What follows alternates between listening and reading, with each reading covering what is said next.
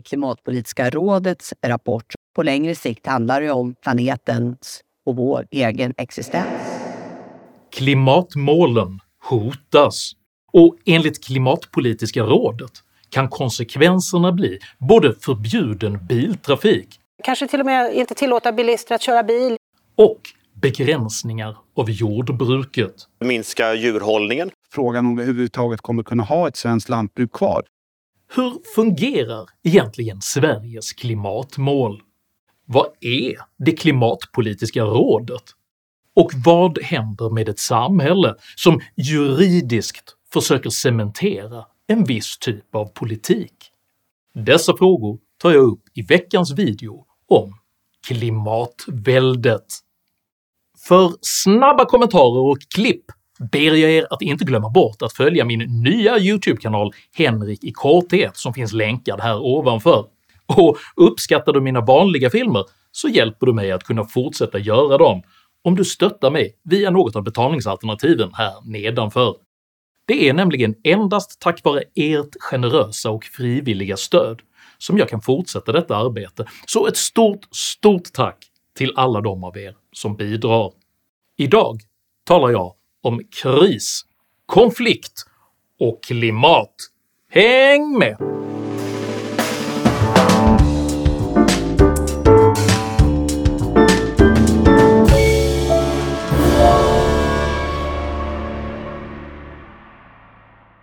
En sådan seger till, och jag är förlorad.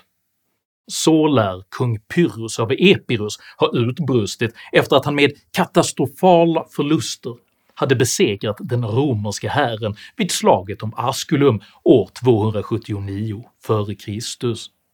Det är oklart huruvida Pyrrhus armé ansåg sig bekämpa just jordens undergång, men oaktat detta är parallellerna mellan kung Pyrrhus kamp och Sveriges allt mer dyrköpta klimatmål slående. För om målen kan nås, vad blir egentligen kostnaden? I veckan släppte Klimatpolitiska rådet sin årliga rapport som under rubriken “Utsläppen ökar i närtid och politiken är otillräcklig för att nå 2030-målen” riktade skarp kritik mot regeringens omställningsarbete. Bensinprisracet nedåt i valrörelsen, både bland de som styrde då och bland de partier som sen tog över, gillades inte av det klimatpolitiska rådet.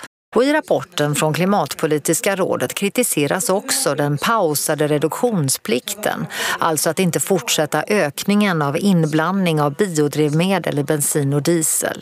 Det innebär att man kommer att få mer utsläpp, framförallt från transportsektorn.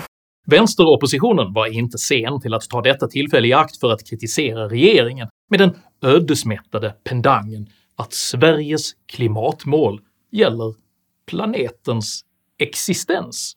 Regeringens och Sverigedemokraternas bakåtskrävande klimatpolitik inte är bra för vårt land. På längre sikt handlar det om planetens och vår egen existens. Regeringens diminutiva ambition att sänka reduktionsplikten förutsatte sedan leda till både förbud mot bilkörning och en avveckling av hela det svenska jordbruket. Klimatpolitiska rådets rapport som kom nyligen och den visar ju svart på vitt att Sverige tappar styrfart. För det är ju väldigt viktigt att tänka igenom konsekvenserna av, den, eh, eh, så att säga, av en, vad en sänkt eller avskaffad reduktionsplikt kan betyda.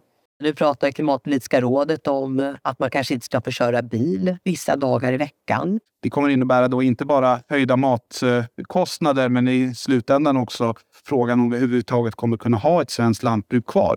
Denna eskatologiska dystopi följdes av ett påtagligt realpolitiskt mumlande om att Miljöpartiet inte hade bjudits in i detta förment kritiska läge eftersom det var socialdemokrater och centerpartister som kommit på det hela. Men har ni gjort några projekt att få mer andra? Nej, utan det är vi två som har, eh, som har båda kommit på den här idén. Det är naturligtvis både demokratiskt legitimt och politiskt fullt begripligt att vänsteroppositionen utnyttjar denna typ av kritik för att distansera sig från miljöpartiets toxiska varumärke. Men Klimatpolitiska rådets krav om bilförbud och jordbruksbegränsningar är faktiskt autentiska. Man skriver i rapporten för att kunna kompensera den förväntade utsläppsökning som följer av nu fattade beslut kommer regeringen att behöva presentera mycket långtgående nya insatser inom inte minst transportsektorn. Dessa kommer att behöva omfatta alla tre benen i transportsektorns omställning – fordon, drivmedel och ett mer transporteffektivt samhälle. Det senare innefattar samhällsplanering och styrmedel som gynnar kollektiv, cykel och gångtrafik samt begränsar biltrafikens expansion där andra alternativ är möjliga. I SVT's Agenda upprepade Klimatpolitiska rådets vice ordförande Björn Sandén denna aggressivt reduktionistiska politik som det enda alternativet om regeringen sänker reduktionsplikten. Ja, vad har vi för alternativ? Jo, elektrifieringen är det ju stora alternativet och det kommer klara av den, den merparten av detta. Det är två tredjedelar av utsläppsgapet vi får ner på det sättet i bästa fall. Så då återstår det en tredjedel. Och vad har vi för då? Eh, då? Ja, då är det eh, ett transporteffektivt samhälle som man pratar om. Att vi helt enkelt kör mindre och transporterar mindre. Och det är jätteviktigt att man satsar på det också. Men att minska våra, vår, vår, vår trafik med en tredjedel till 2030, det är en jättestor utmaning. Då skulle man behöva kraftigt höjda eh, skatter på bensin och diesel eller eh, ja, till och med sånt som att man får förbjuda eh, trafik vissa dagar eller så. Denna enda vägens regressionspolitik upprepades sedan av Agendas programledare Camilla Kvartoft det, det, tredje alternativet, det, det, var ju forskaren inne på här också, det är ju då att eh, minska eh, bilkörandet radikalt med en tredjedel eh, till och med. Kanske till och med eh, inte tillåta bilister att köra bil i, i storstäder vissa dagar och sådär. Även Centerpartiets klimatpolitiska talesperson Rickard Nordin målade sedan upp ett totalt jordbrukshaveri som enda alternativet till fortsatta reduktionspliktsökningar. Så hur viktigt är det för Centerpartiet att klara det här transportmålet till 2030? Ja, men det är ju helt avgörande. Om vi inte minskar det här i transporterna, ja då behöver vi göra det antingen genom, som man säger, minska djurhållningen eller mindre avverkning i skogen. Så det här blir ju dråpslag för svensk landsbygd dessutom om man inte gör det. Samtidigt konstaterade Kvartoft att de planerade reduktionspliktsökningarna i sig skulle leda till så aggressiva drivmedelsprisökningar att även detta sannolikt skulle göra en stor del av Sveriges motortrafik omöjlig. Om man skulle ha följt ursprungliga planen för reduktionsplikten och blandat in då mer och mer biobränsle eh, så skulle det här ha fördyrat dieseln eh, nästa år med som mest 6,90 per liter. Och 2030 skulle merkostnaden bli upp till 12,40 eh, och bensinen skulle bli drygt 4 kronor dyrare nästa år och drygt 8 kronor 2030. Denna situation bemöts av Sveriges klimatminister Romina Pourmokhtari med konstaterandet att Sverige har haft högst reduktionsplikt i hela EU, vilket framhålls som ett närmast orealistiskt högt mål. Transportmålet just för 2030 det är ett väldigt ambitiöst mål som många påpekar är, är för ambitiöst. Vi har ju en situation där Sverige faktiskt har haft högst reduktionsplikt i hela EU så vi har haft en eh, ganska skarp eh, linje som har varit väldigt kul för oss att säga att vi är bäst i klassen men som givet kontexten har blivit väldigt tuff. I Sveriges Televisions Aktuellt är dock benägenheten att problematisera målens rimlighet obefintlig och man inriktar sig istället på att angripa alla former av klimatpolitisk verklighetsanpassning. Svidande kritik. Ni kritiseras ju hårt inte är tillräckligt. Snarare tvärtom. Ni har varit för ensidiga och ni gör ju då precis tvärtom. Du har inte lagt fram ett enda förslag som sänker utsläppen. Är du nöjd med det? Men vad är då detta klimatpolitiska råd som nu obevekligen kräver antingen skyhöga drivmedelspriser eller auktoritära trafikförbud?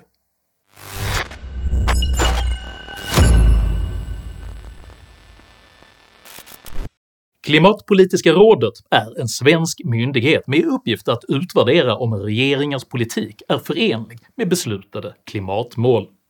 Rådet inrättades av Miljöpartiet och Socialdemokraterna år 2018 och är en del av det så kallade klimatpolitiska ramverket, vars syfte är att upprätthålla långsiktiga förutsättningar för näringsliv och samhälle att genomföra den omställning som krävs för att kunna lösa klimatutmaningen.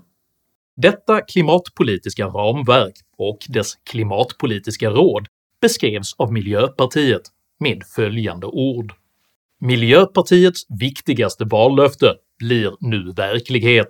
Idag presenterade statsminister Stefan Löfven och klimatminister Isabella Lövin Sveriges nya klimatlag.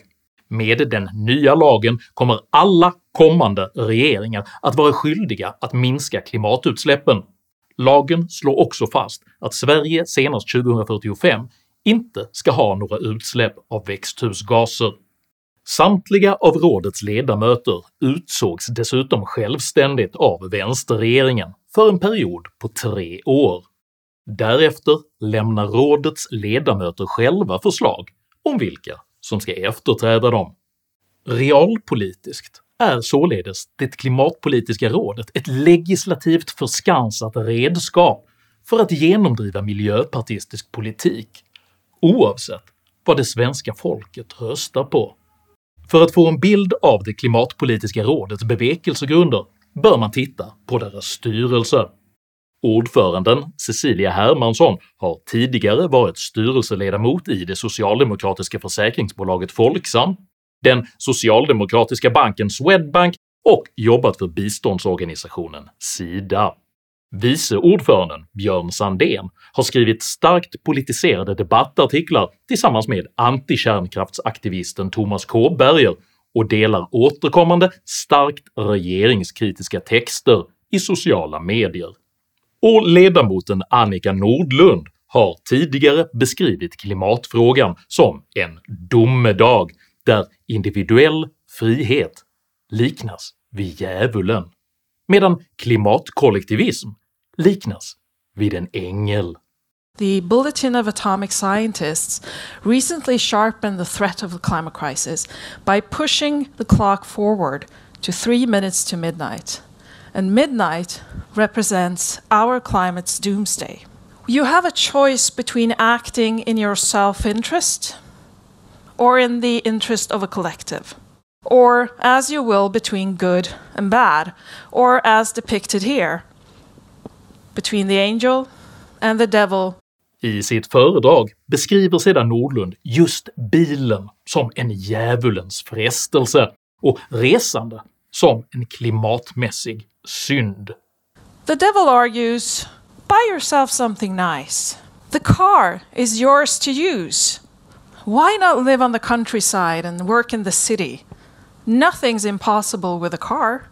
And be open for new experiences. See the world, travel, enjoy yourself. Efter detta skildrar Nordlund ängelns dygder som klimataktivism och benägenheten att inte resa. So let's look upon the shoulder where we have the angel. Care for the climate, and through that, care for the children that will inherit this world. And stay closer to home. You'll travel less. Denna beteendeförändring ska enligt Nordlund genomdrivas genom indoktrinering av barn och genom moraliska påtryckningar. We need to install collective values in our children because that's where it starts. But we also need to press the already existing moral, environmental buttons in people. Nordlund säger sig sedan vilja skapa ångest, skam och dåligt samvete hos befolkningen om de ifrågasätter kollektivets klimatnormer. When we don't live in accordance with our held values, our collective values, we go against our own moral convictions, hence the bad conscience. And I believe we need to make use of this bad conscience because, together with a high level of environmental awareness, an activated personal norm is a very good start toward behavioral change. So let's go forward, nurturing this bad conscience of ours. Avslutningsvis ifrågasätter Nordlund hela det moderna samhällets värde och anför civilisatorisk regression som en lösning på klimatfrågan. Another, perhaps more challenging way is to turn back in time as a way to save the future. I think we need to question the qualities of modern life and also question if progress always is the way forward. Live close to work. Maybe progress is to look back in time. Detta är alltså ideal som grasserar inom samma klimatpolitiska råd som just nu hotar med förbud av motortrafik om regeringen avviker från de reduktionsmål som tvingats fram av Miljöpartiet.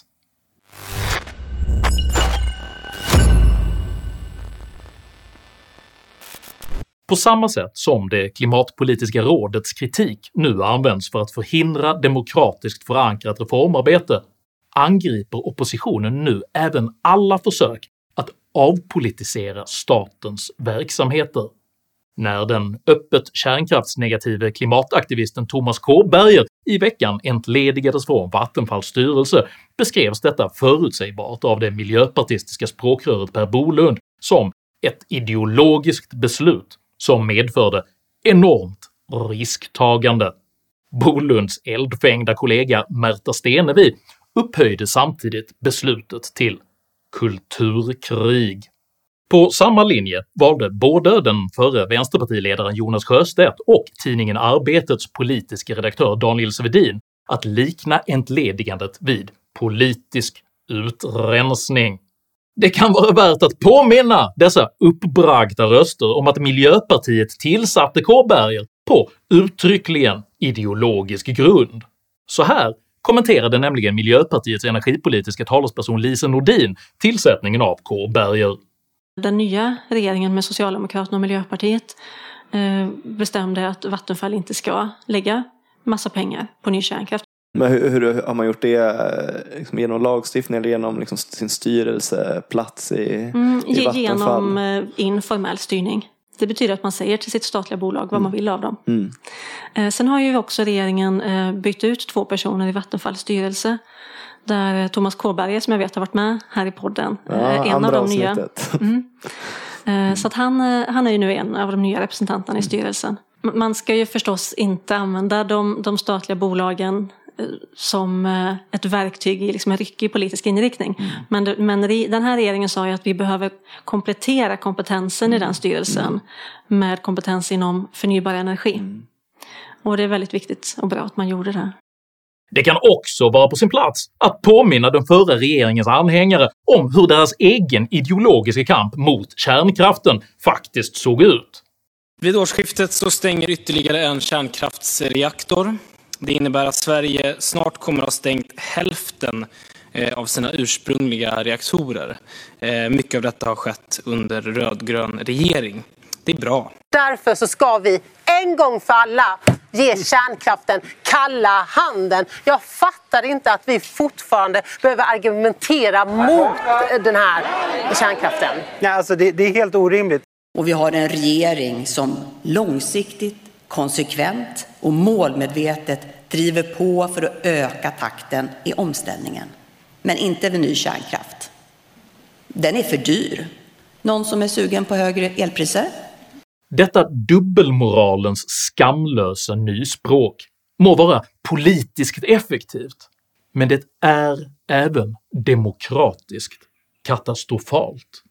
Klimataktivisternas försök att politisera Sveriges förvaltning och kringskära möjligheterna att avvika från deras egen politik beskrivs som progressivt, ansvarsfullt och demokratiskt medan den demokratiskt valda regeringens försök att avpolitisera förvaltningen och genomdriva demokratiskt förankrade beslut beskrivs som totalitära utrensningar. För ängeln kräver klimatarbete, och den som inte lyder måste skambeläggas. Vägen framåt är att gå bakåt Och man räddar demokratin genom att begränsa demokratin för de som anses gå djävulens ärenden. Denna eskatologiska övertygelse är anledningen till att Per Bolund år 2021 var beredd att inskränka de medborgerliga rättigheterna för klimatets skull. För under coronapandemin så har ju ni politiker infört eh, inskränkningar i våra fri och rättigheter. Så frågan är, skulle ni vara beredda att införa liknande begränsningar, till exempel när det gäller bilåkning eller flygresor, för att minska utsläppen? Den som tycker det, upp med en hand. Det är också anledningen till att humanekologen Andreas Malm så sent som i höstas öppet uppviglade till våld och egendomsförstörelse för klimatets skull. Jag förespråkar inte, bara för att göra det väldigt klart, att alla måste ägna sig åt saker som sabotage eller egendomsförstörelse. Utan tvärtom, vi behöver hela vidden av insatser från parlamentariskt arbete via klassisk lobbying, folkrörelsearbete, fredliga demonstrationer, civil olydnad, hela vägen upp till egendomsförstörelse och sabotage. Väldigt glad eh, över din analys, Andreas, för jag, för jag delar den. Att eh, det är inte så att vi kan skjuta upp eh, klimatomställningen, att vi, tar, att vi verkligen adresserar det här extremt akuta hotet som är här och nu. Det är även anledningen till att Greta Thunberg just nu radikaliseras i offentligheten. Mama, whatever the fuck they're doing inside there! Och det förklarar varför miljöpartister nyligen ville ta kontroll över public service, varför Miljöpartiet 2015 förordade politisk styrning av kulturen och varför miljöpartisten Per Holmgren år 2009 sade sig snabbt vilja avskaffa alla val. Denna video är ingen kritik av klimatarbete. Den är däremot en kritik övertygelsen att de egna problemställningarna är så allvarliga, de egna idéerna så oumbärliga och de egna lösningarna så nödvändiga att miljörörelsen blivit beredd att åsidosätta demokratin.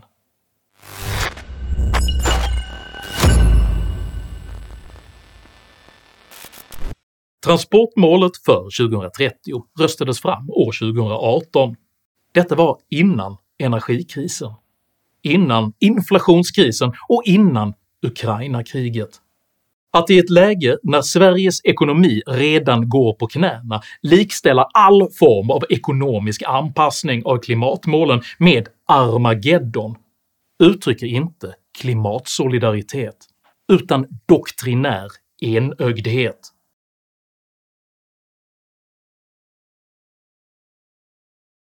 För klimatmålen är inga budord, utan just målsättningar, ambitioner och milstolpar som vi människor fastlagt som riktlinjer. Att inte kunna anpassa dessa mål till en dynamisk och föränderlig verklighet uttrycker inte principfasthet, utan en oförmåga att prioritera långsiktig effektivitet. Med facit i hand så vet vi att den förra regeringens ideologiskt framtvingade kärnkraftsnedläggningar blev en kontraproduktiv katastrof. Sverige hade bevisligen stått bättre rustat både för den nuvarande energikrisen och för elektrifieringen av fordonsflottan om reaktorerna drivits vidare. På samma sätt riskerar en ideologisk självstympning av den svenska motortrafiken att bli ännu en kontraproduktiv katastrof för utan välfungerande transportsystem avstannar nämligen hela den svenska ekonomin, oavsett vilka idealistiska mål som uppnås. För rigiditet är inte styrka, och världen har ingenting att vinna på att Sverige självflagellerar sig själv till döds på klimatortodoxins kortsiktiga altare, när vi i själva verket gör vår allra största insats för miljön genom teknikexport och innovationsarbete. För precis som kung Pyrrhus går det nämligen ofta att vinna ett slag till priset av ett förlorat krig. Om du uppskattade innehållet i denna video så hjälper det mycket om du delar den med dina vänner och kanske till och med stöttar mitt arbete via något av betalningsalternativen här nedanför. Dela även gärna med dig av dina egna åsikter och erfarenheter i kommentarsfältet här nedanför, men jag ber dig att alltid vara artig. Jag accepterar inte aggression, personpåhopp eller rasism i mina idédrivna kommentarsfält. Tack för att du som kommenterar respekterar detta. Jag heter Henrik Jönsson och jag anser att flexibilitet, demokrati och effektivitet bör överordnas rigiditet, ortodoxi och idealism. Tack för mig och tack för att du har lyssnat.